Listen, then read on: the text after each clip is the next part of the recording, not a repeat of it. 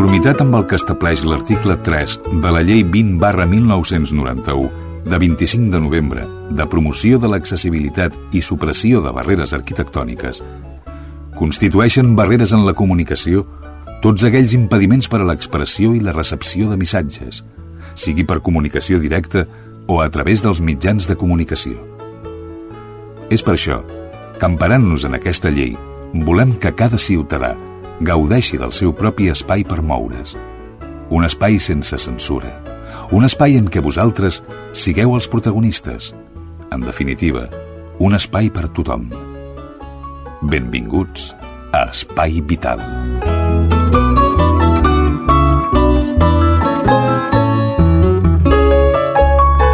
Senyores, senyors, què tal com estan? Bon dia, benvinguts, ben trobats a tots. Un dia més, un programa més. Vostès ja el coneixen, és l'Espai Vital.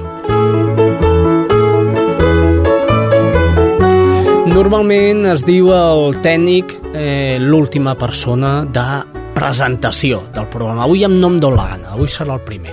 Jordi Puy, Piu, eh, ai, Piu, dic, Piu, Puy. Des de luego. Eh, de veritat, no, no, no estem, no estem. Jordi Puy, el control tècnic, Teresa Diviu, la nostra cuinera adaptada, que ja està remenant cassoles, paelles i tot el que calgui. Mm, què tal, benvinguda? Ben, ben trobats a tothom, estic contenta que estem ben acompanyats avui. Sí, senyora, ben acompanyats perquè la Creu Roja ens visita. I vostès diran, per què? Doncs perquè sí, perquè és la Creu Roja i perquè ha de donar atenció a les persones que, que no tenen assistència comunicativa, com som en aquest cas nosaltres. Els hem convidat perquè ens expliquin com està Creu Roja en aquests moments, quines són les vivències i per això ens acompanya per un costat Mari Carmen Balaguer, ella és voluntària de Creu Roja. Hola, què tal? Hola, bon dia. Mol, molt contenta d'estar amb vosaltres. I també el Francesc Roset, ell és president de Creu Roja, Cerdanyola, Ripollet, Montcada i mm, alguna població més. Bon dia. Bueno, moltes gràcies per convidar-nos. Hola, què tal? Sempre és un plaer estar en companyia d'en Xavi a dins i a fora de Creu Roja. Això és no ens posis més territori perquè ja en tenim prou feina amb el que tenim.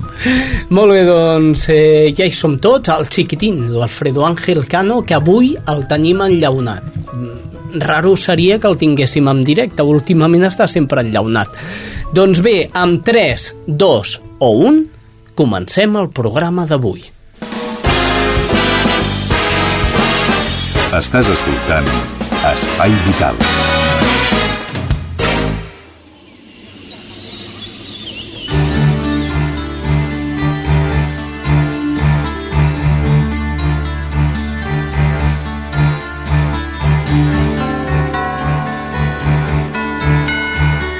En 1863, en Suiza, un hombre llamado Henry Dunant fundó el Comité Internacional y Permanente de Socorro a los Heridos Militares, con el fin de socorrer a los millares de heridos y enfermos de la guerra sin importar su procedencia.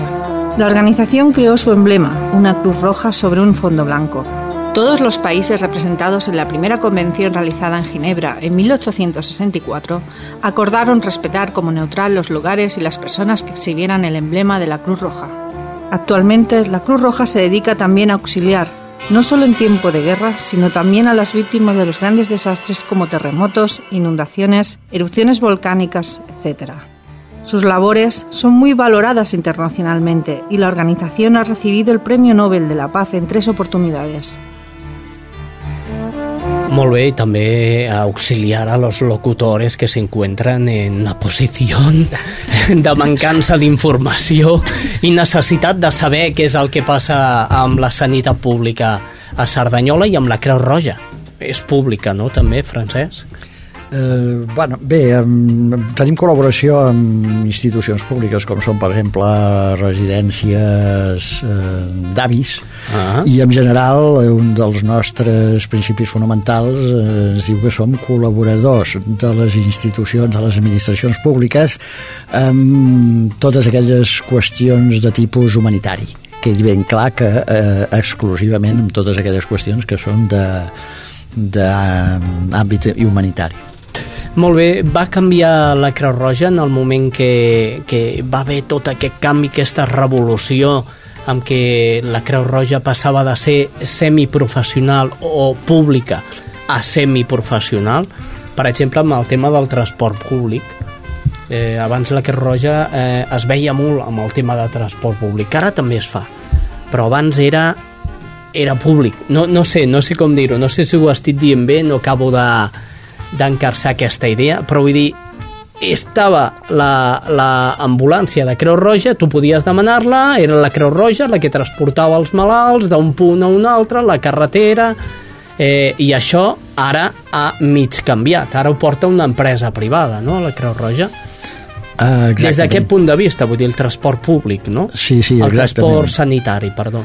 És així com tu dius, eh, encara que voldria fer algunes puntualitzacions. Eh, durant molt temps la Creu Roja va tenir un concert amb la amb l'administració pública, concretament a Catalunya amb la Generalitat, Mhm. i eh, fèiem el transport de malalts eh, de la Seguretat Social. Sí, El que passa que hi va haver un mm, les empreses privades ens van acusar de fer, competen de, de fer competència desleal amb el transport públic. Bueno, s'ho van agafar d'aquesta manera i llavors la Generalitat el que va fer és eh, eh, doncs convocar uns, un concurs públic Mhm. a on es podien presentar les diverses institucions, les diverses empreses eh, per fer per fer-se càrrec d'aquest transport. Aquest era el pas que jo volia dir. Aquest era el pas. Vull dir, en el moment de que passa de ser públic a acceptar empreses privades per fer un servei públic. Sí, a, Cerdanyola bueno, teníem com 11 vehicles Mhm. i fèiem un, eh, entre 150 i 200 serveis cada dia.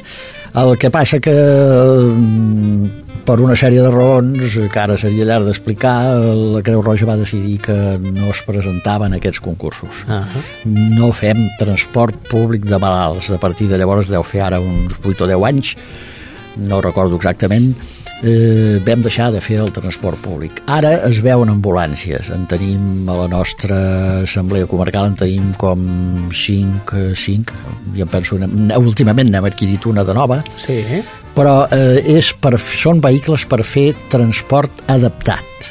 Bé, d'acord amb convenis amb els ajuntaments, però no transports de malalts eh, als hospitals. El que entenem per transport adaptat és, eh, per, per exemple, el que fem és passar a buscar els avis eh, que van als centres eh, de, de dia i, els, i el portem a la residència, al centre de dia, i a la tarda o quan sigui els passem a recollir. Eh, sempre, eh, entenem-ho bé, eh, persones amb pocs eh, recursos econòmics. Eh? No, ah. Sempre la, la Creu Roja el que fa és atendre eh, persones, a les- a les persones més vulnerables. és a dir, per exemple, les persones que vulguin un transport que tinguin peles, que és gent de peles, per això ha altres empreses. Sí, sí. Ambulàncies no sé què o ambulàncies Ah, sí, no sí, sé quanto, no? Sí, sí, sí. Doncs molt bé, ja ho sabeu.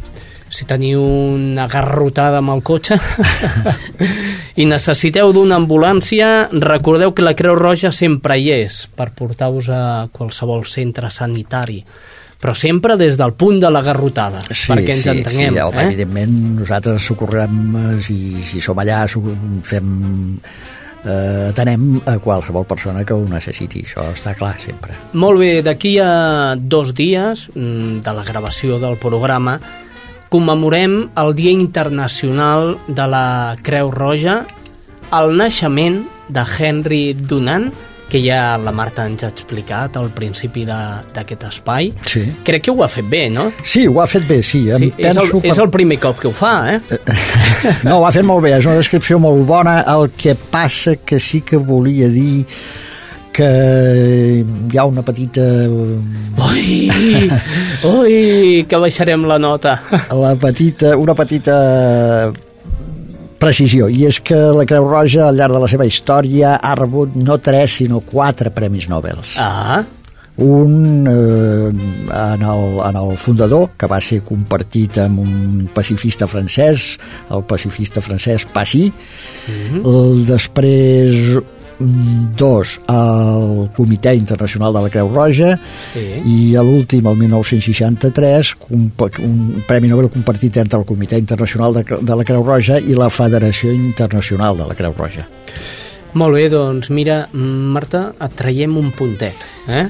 Que ho sàpigues. T'has No, oblidat d'un premi i és el primer cop que ho fas i tampoc no, no sabem Tampoc és això, la Marta ha fet una descripció fantàstica de, de la Fundació de la Creu Roja i de tot plegat. Pensa que jo la conec i et puc dir que s'ha tirat hores fent aquest, Ah, aquest es- petit resum, eh? Era un petit resum. Es nota, es nota, ja ha estat- molt ben fet.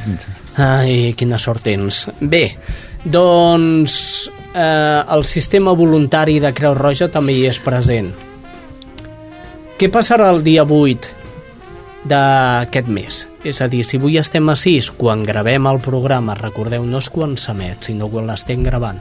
El dia 8 es commemora el Dia Internacional de la Creu Roja. Què és el que fareu? Tan, tan, tan. Mm, Por 25 pesetas. ¿Qué es lo que va a hacer la Cruz Roja? Eh, la Creu Roja està fent coses, mm, actes a diferents assemblees, eh, però nosaltres, eh, per exemple, ahir, ahir mateix es va celebrar la Creu Roja local de Barcelona, Sí. va celebrar un acte a les 7 de la tarda. Mm. Eh, nosaltres per, no hem pogut preparar mm, res. I una de les coses que més ben dit, mm, sí que hi ha una cosa que és precisament estar aquí avui parlant d'això Doncs sí, senyor. eh, aquest és un dels, dels actes que fem però mm, malauradament ens hauria agradat fer més coses però aquest any doncs eh, atrafegats amb, amb problemes de, de, derivats de la crisi d'atenció a la gent doncs no disposem, no hem pogut preparar res més Molt bé, penso que és prou important que esteu aquí per parlar de Creu Roja i Espai Vital us recolza sempre, ja ho sabeu tu, ja ho saps tu, ja ho sabeu vosaltres que Espai Gràcies. Vital sempre està amb vosaltres. Eh, parlant de Creu Roja, de Dia Internacional de Creu Roja, Creu Roja col·labora amb les associacions de, de les comunitats on té on té presència associacions, per exemple l'associació contra el càncer, l'associació eh, contra la diabetis, alguna associació o Creu Roja crea les seves pròpies campanyes i ja està. Eh, Creu Roja eh, no té cap inconvenient, al contrari, i jo és una de les coses que m'agradaria molt eh, fer a la nostra assemblea, eh, pot col·laborar amb qualsevol altra institució, ONG o el que sigui, sempre i quan aquestes associacions eh, respectin eh, el seu fer diari del que nosaltres tenim com els set principis fonamentals de Creu Roja. No tenim absolutament cap inconvenient, al contrari. Ho dic perquè fa dos dies es celebrava eh, el- de l'associació en la lluita contra el càncer.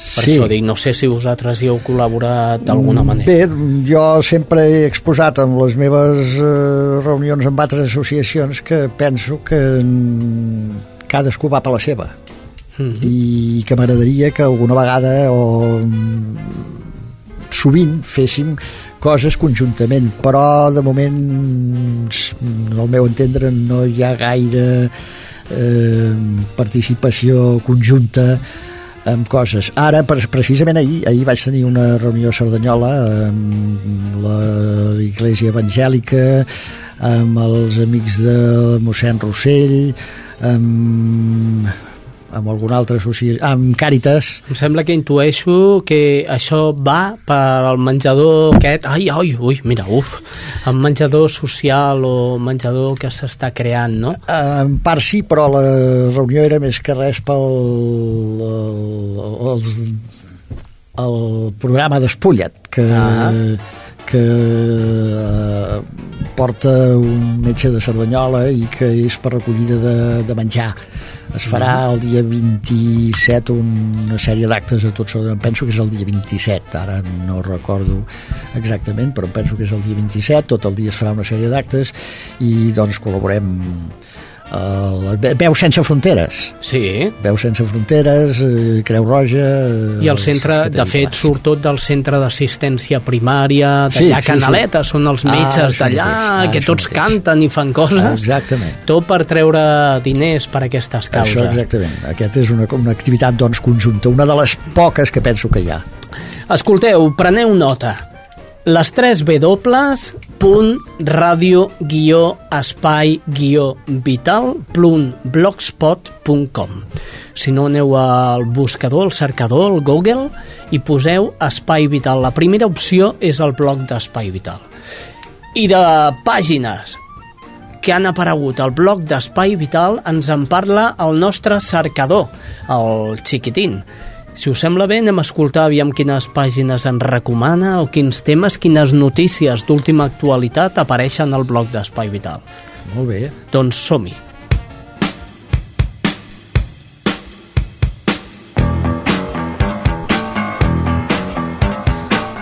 Hola Xavi, te traigo dos noticias relacionadas, uno con la Universidad Autónoma y otra con las mujeres y el embarazo.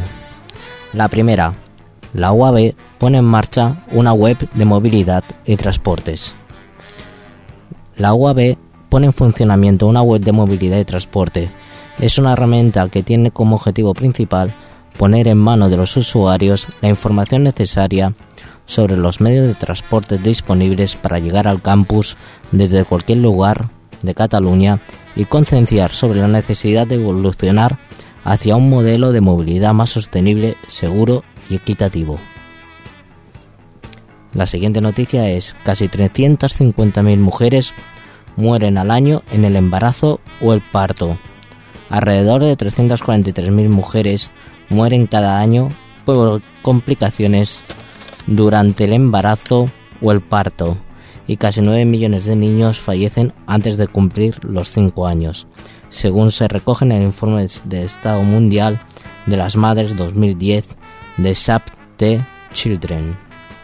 El informe señala que la mayoría de estas mu muertes se producen en los países en desarrollo, donde las madres y sus hijos carecen de servicios sanitarios básicos, y destaca que 50 millones de mujeres de estos lugares dan a luz cada año sin la ayuda de personal con la cualificación sanitaria mínima. Estàs escoltant Espai Vital.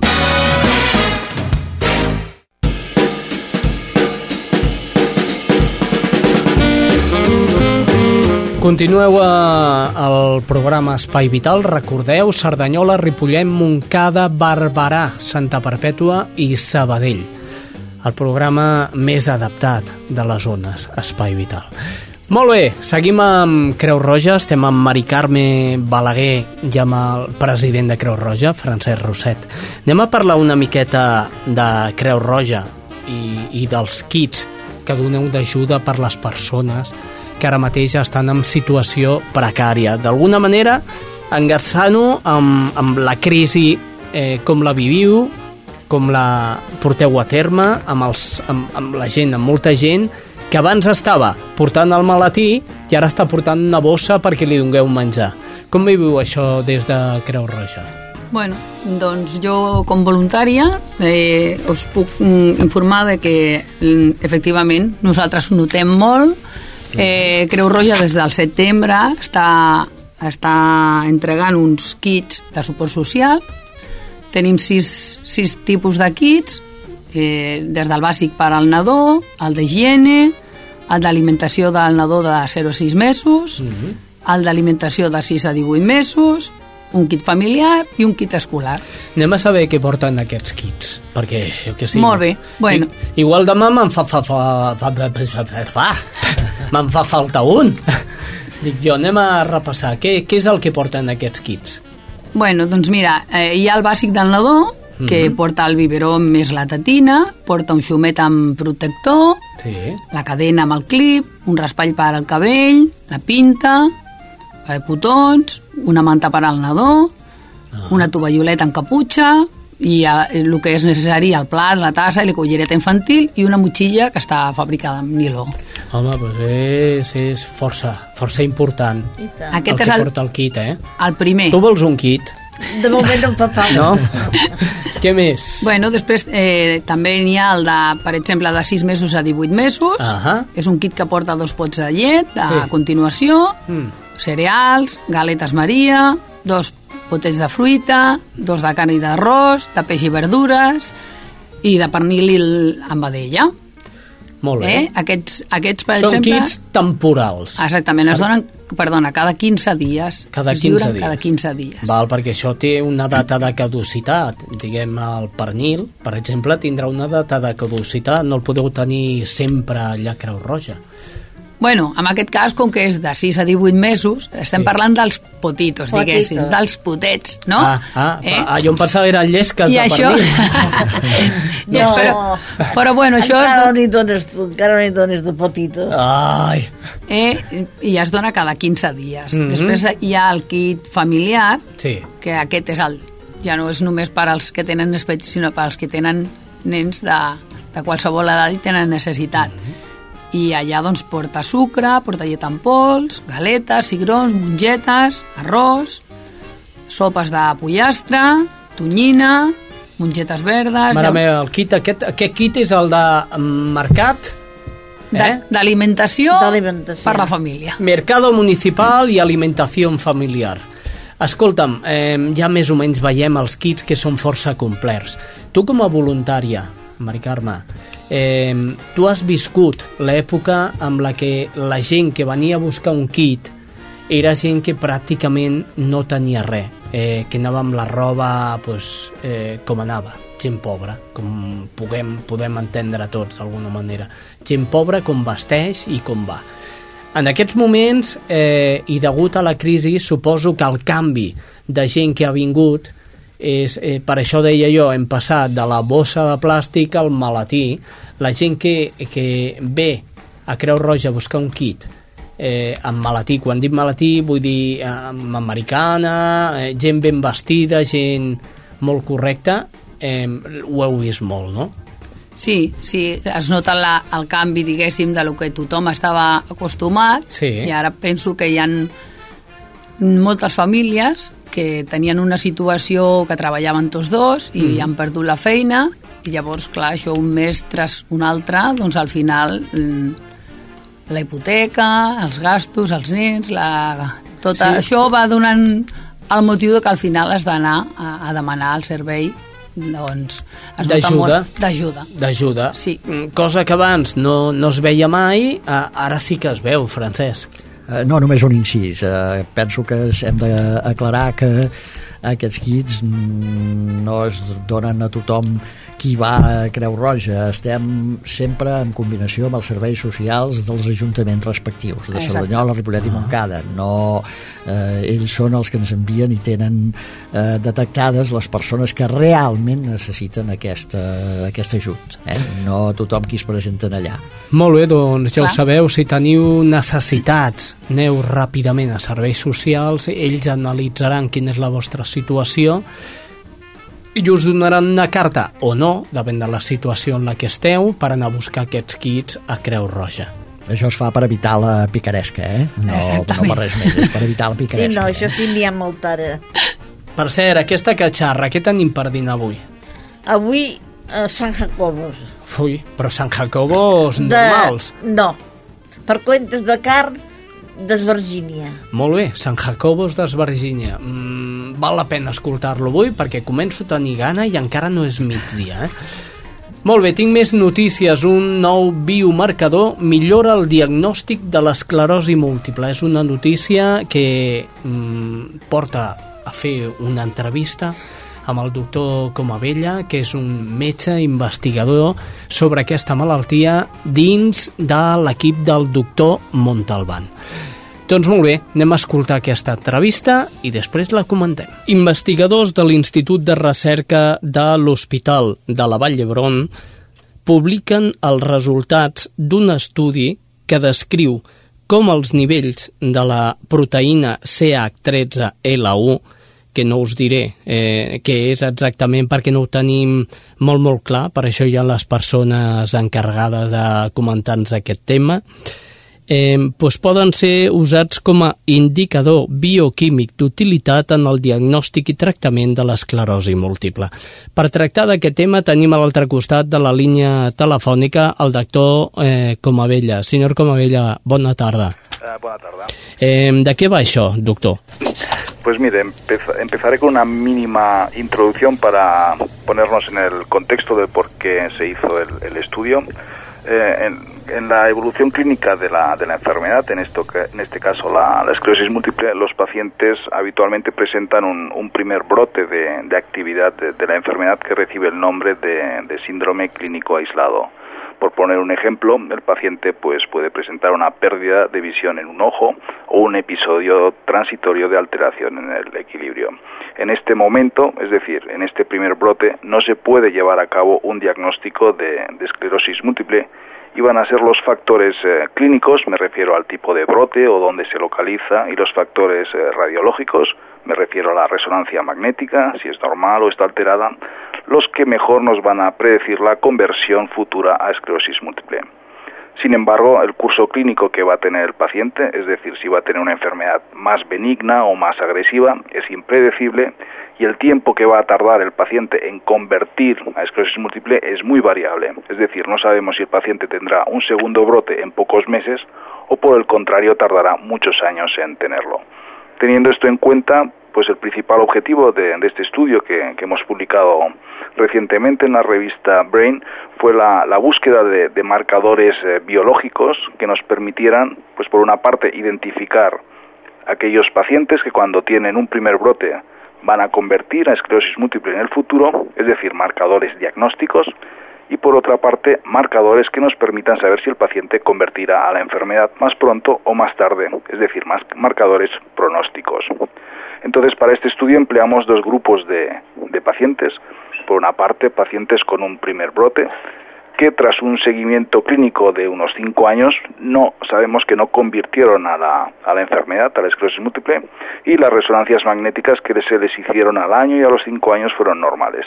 El segundo grupo estaba formado por aquellos pacientes que en el primer brote presentaron ya alteraciones en la resonancia magnética y durante el seguimiento clínico constatamos que convirtieron a esclerosis múltiple.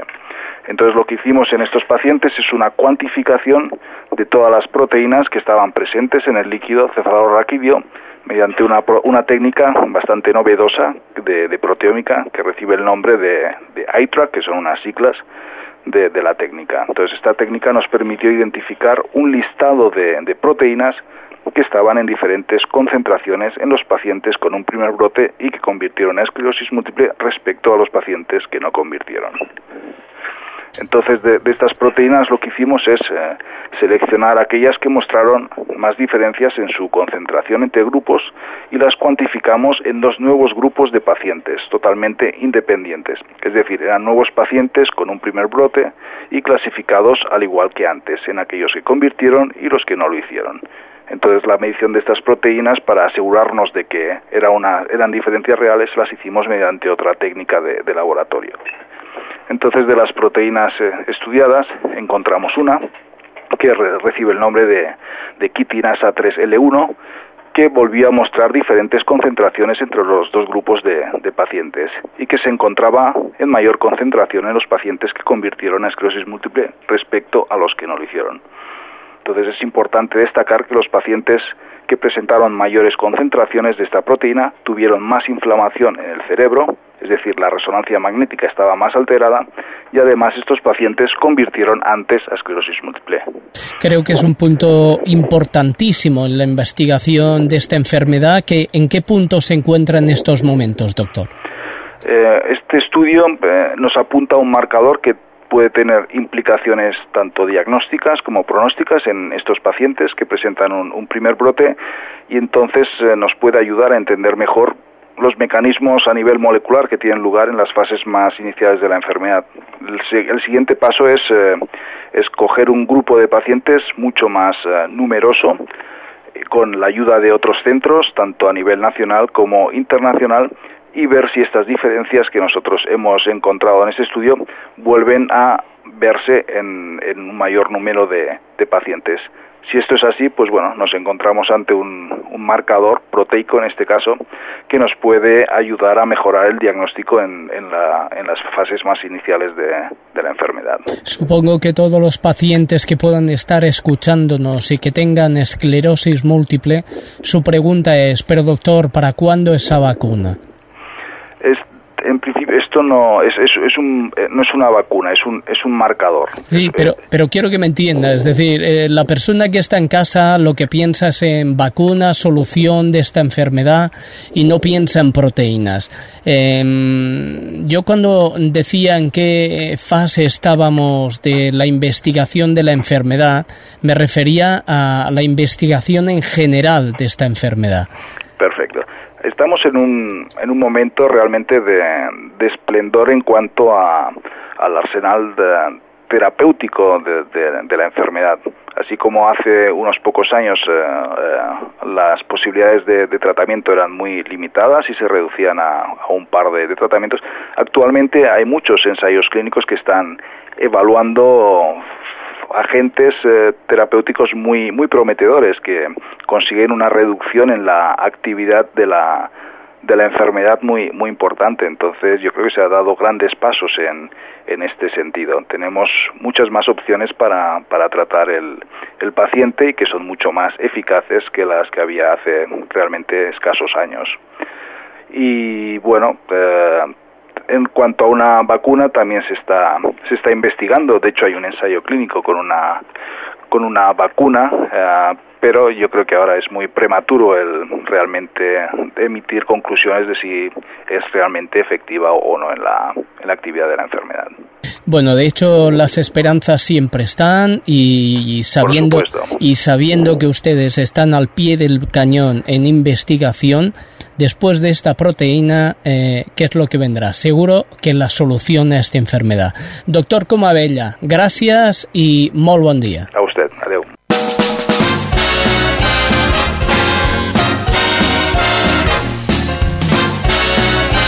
Espai Vital, el primer programa adaptat de les zones.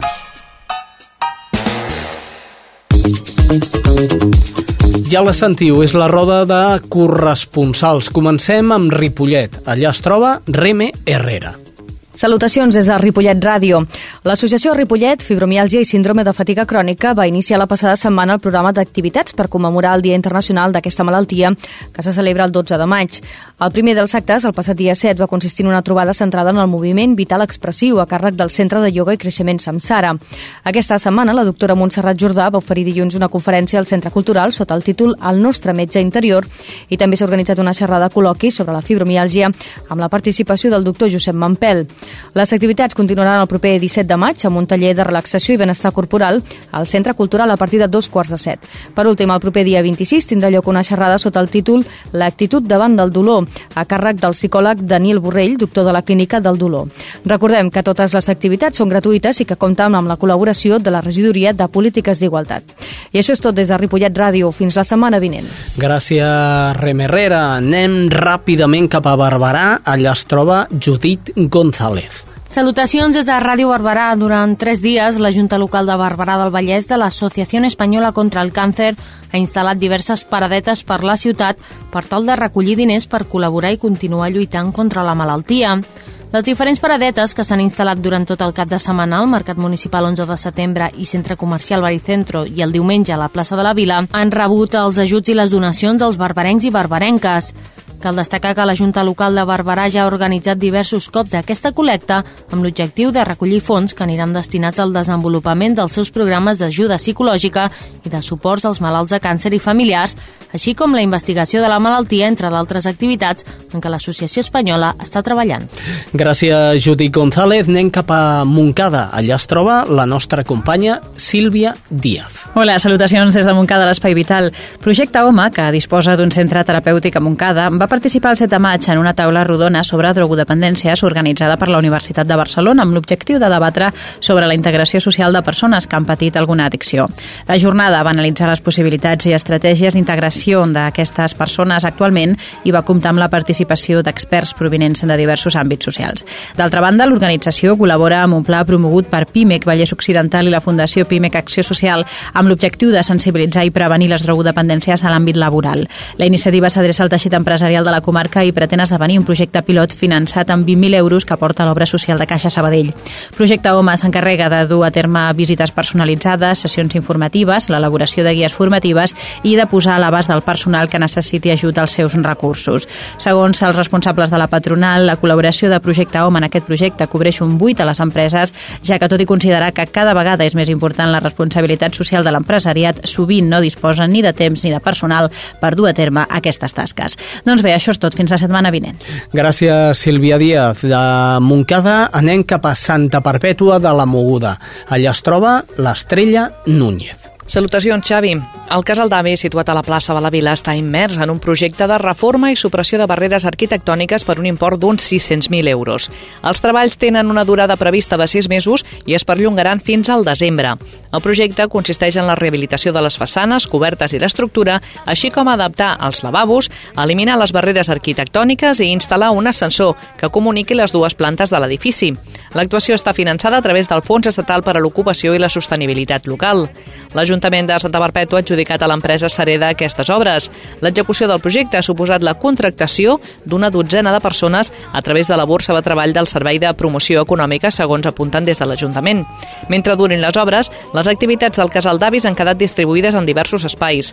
La Junta de l'entitat ha explicat que els tallers de manualitat es fan ara al Centre Cívic de Can Folguera, la gimnàstica i l'horari d'oficina al Centre Cívic al Vapor i també han avançat que d'aquí poc podran utilitzar l'antic local del casino, situat al carrer de Prat de la Riba, com a servei de bar i com a espai de jocs de taula. Tot això mentre duren aquestes obres del casal d'avis de la plaça de la Vira, on, doncs, entre d'altres, s'eliminaran barreres arquitectòniques i s'instal·larà un ascensor que permeti comunicar les dues plantes de l'edifici. Això és tot. Fins la setmana vinent. Fins la setmana vinent, Estrella Núñez, des de Santa Perpètua de la Moguda. Anem cap a Sabadell. Allà s'hi troba Xavi Miralles. Salutacions des de Sabadell. Les persones amb problemes de salut mental es troben sovint amb barreres per accedir al món laboral. Per lluitar contra aquesta problemàtica, l'Ajuntament de Sabadell, l'Hospital de Sabadell i l'Associació de Familiars de Salut han impulsat una nova eina d'ajuda a aquest col·lectiu. El nou servei permet a les persones amb problemes de salut mental formar-se abans de trobar una nova feina, una metodologia pionera a la ciutat que busca donar un cop de mà a aquest col·lectiu a través de tallers reals en aspectes com la comunicació, les relacions socials o el treball en equip. Tot plegat per recuperar la confiança d'unes persones que poden haver patit diversos fracassos laborals. Els participants d'aquest projecte són derivats a l'Oficina Tècnica Laboral, que tenen empreses amb necessitats de personal que aposten per l'integració laboral i persones amb problemes de salut mental. De moment, un total de 28 persones s'estan beneficiant ja d'aquesta nova eina a la ciutat. Molt bé, doncs, gràcies Xavi Miralles. Des de Ràdio Sabadell anem corrents cap a Cerdanyola Ràdio. Allà es troba la incombustible, la Mònica González. Salutacions a Espai Vital des de Cerdanyola Ràdio. Els ordinadors d'alta la centre situat al Casal de l'Esport ja disposen de la tecnologia necessària per ser utilitzats per persones amb discapacitat visual. El programari d'adaptació visual permet ampliar la resolució de la pantalla per ser visualitzada de forma variable per una persona amb discapacitat visual. També pot llegir totes les icones i els textos que surten a la pantalla de l'ordinador, reproduint-los a través del so. Un altre aspecte a destacar del nou programa és que facilitarà l'accessibilitat dels continguts de la web municipal cerdanyola.cat i cerdanyola.info. En els cursos d'iniciació a la informàtica i navegació per internet que es fan al telecentre, s'ofereixen coneixements d'informàtica, navegació per internet i utilització d'eines ofimàtiques en programari lliure. La xarxa pilot de telecentres de programari lliure són punts públics d'accés a internet que disposen d'aplicacions de codi lliure i formen part de la xarxa de telecentres de Catalunya per difondre el coneixement del programari lliure en català a tot el país. I això és tot des de Cerdanyola Ràdio. Estàs escoltant Espai Vital. Bueno,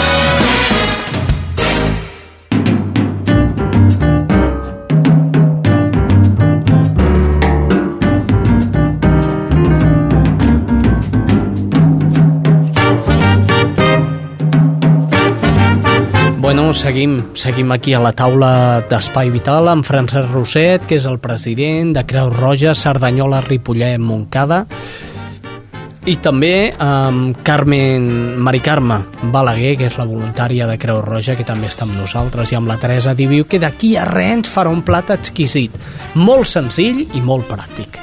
Molt bé, amb Creu Roja vull parlar. Vosaltres també feu un servei de préstec gratuït de material, però material... Material, quan dic material, vull dir material. Què vull dir? Material per persones amb, amb discapacitat que necessiten una sèrie d'eines que els hi fa falta per ells. En aquest cas, cadira de rodes, muletes, etc etc. Feu aquest servei. Sí. Què ha de fer la gent per donar uh, material o d'on l'aconseguiu? Bueno, doncs la gent pot col·laborar donant cadires de rodes, mm -hmm. crosses, caminadors, bastons, sí. qualsevol material que has necessitat i que ja tu doncs, no, el, no el faràs servir. Llavors la gent el que ha de fer es pot acostar a l'Assemblea Comarcal de Cerdanyola, Ripollet, Montcada i allà doncs els hi donarem allà els hi donaran la informació de com s'ha de fer la, la donació. Molt bé, i parlant de, de crisis amb Creu Roja, eh, que Creu Roja veu?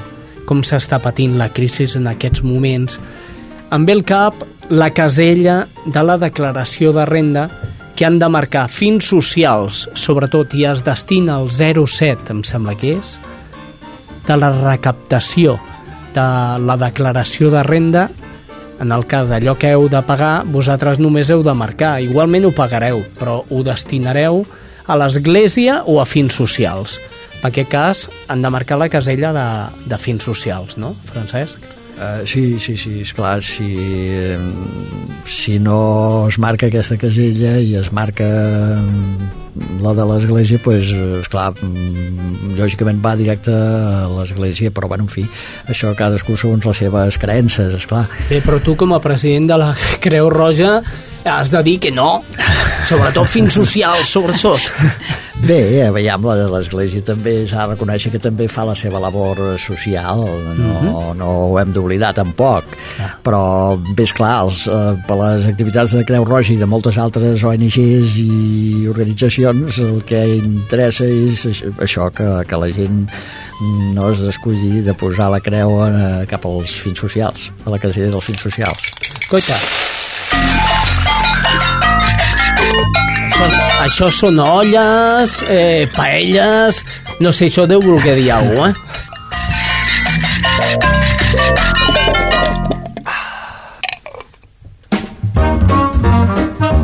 Sí, senyors, vol dir que la Teresa Diviu ja està preparada amb els seus plats, cassoles, paelles...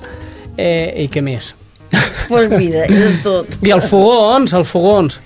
I el fogó, l'oli i, la, i la paella, això mateix. Que de fet, eh, penseu que és vitroceràmica, és a dir, no es pot cremar. Eh? Home, quan apagues segons com no pots posar la mà sobre també crema també.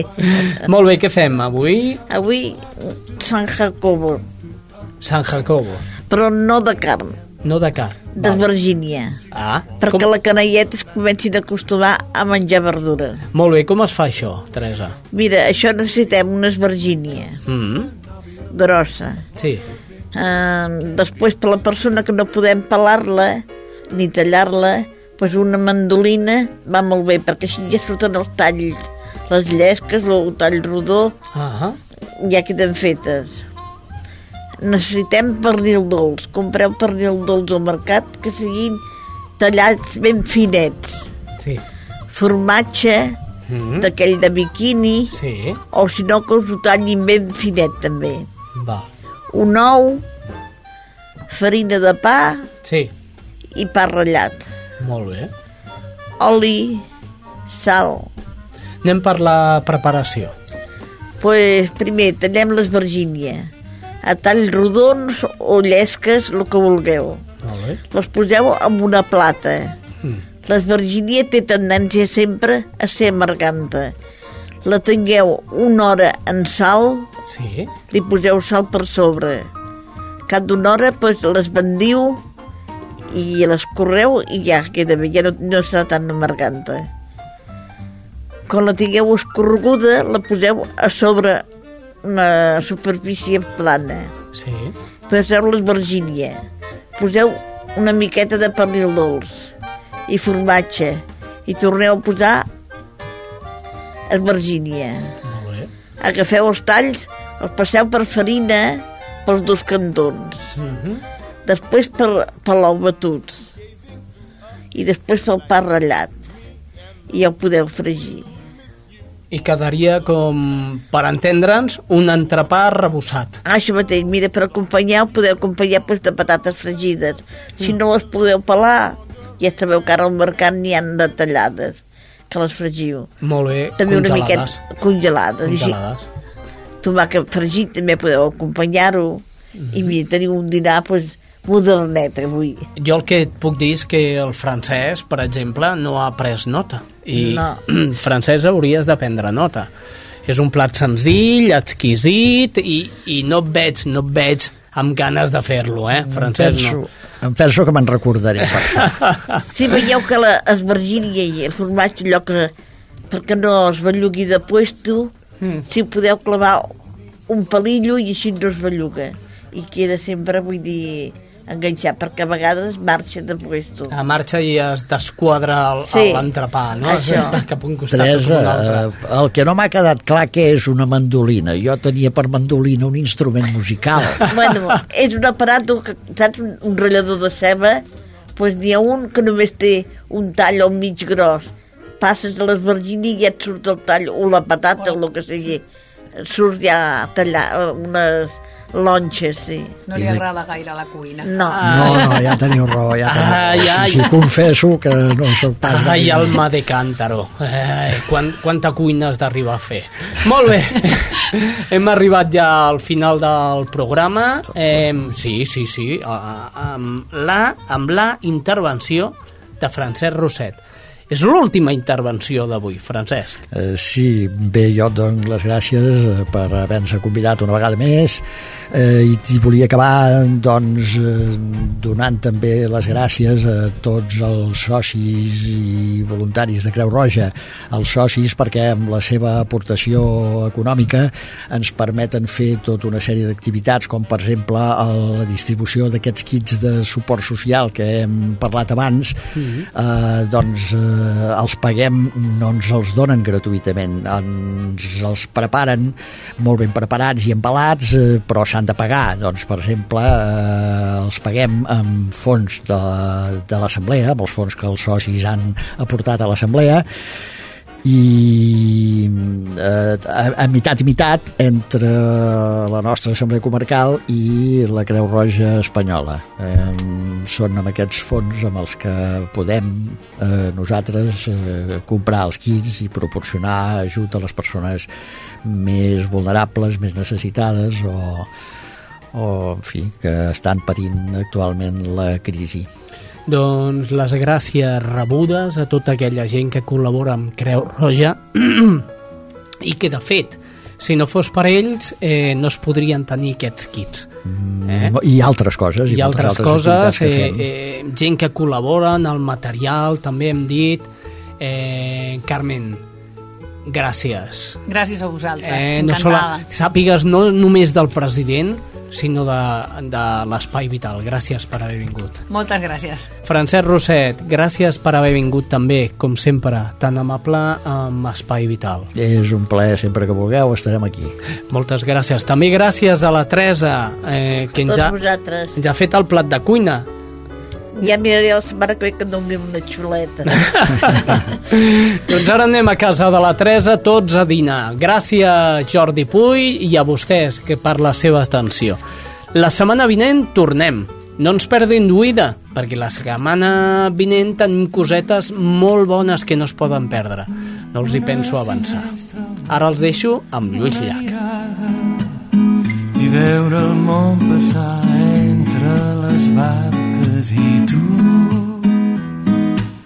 Jugant l'atzar quan pinta el blau dels blaus amb crestes blanques.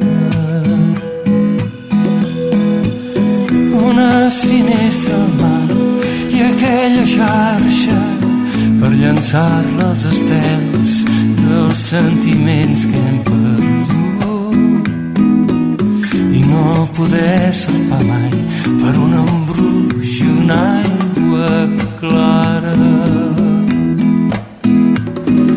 Que deu ser de l'Antònia que això fa té casa va obrir les seves portes a cinc infants al bany com una antiga desa que encara creu amb l'ara els pescadors l'estimen i li deixen les xarxes amb mirallets de plata.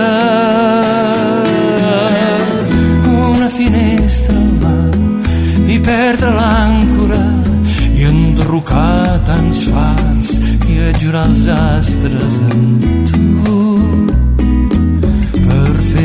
Nostre demà, el fruit d'un art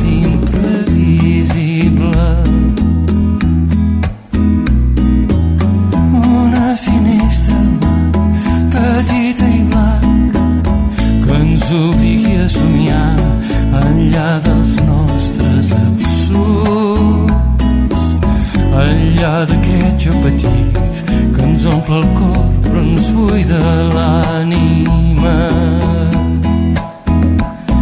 Que deu pensar en Samir dalt del minaret de Tànger els peus damunt la misèria i els ulls somiant Espanya despullarà el seu cos també i el llançarà les aigües Dius facin que amb la força d'enyors i de nostàlgies pugui ormejar una barca.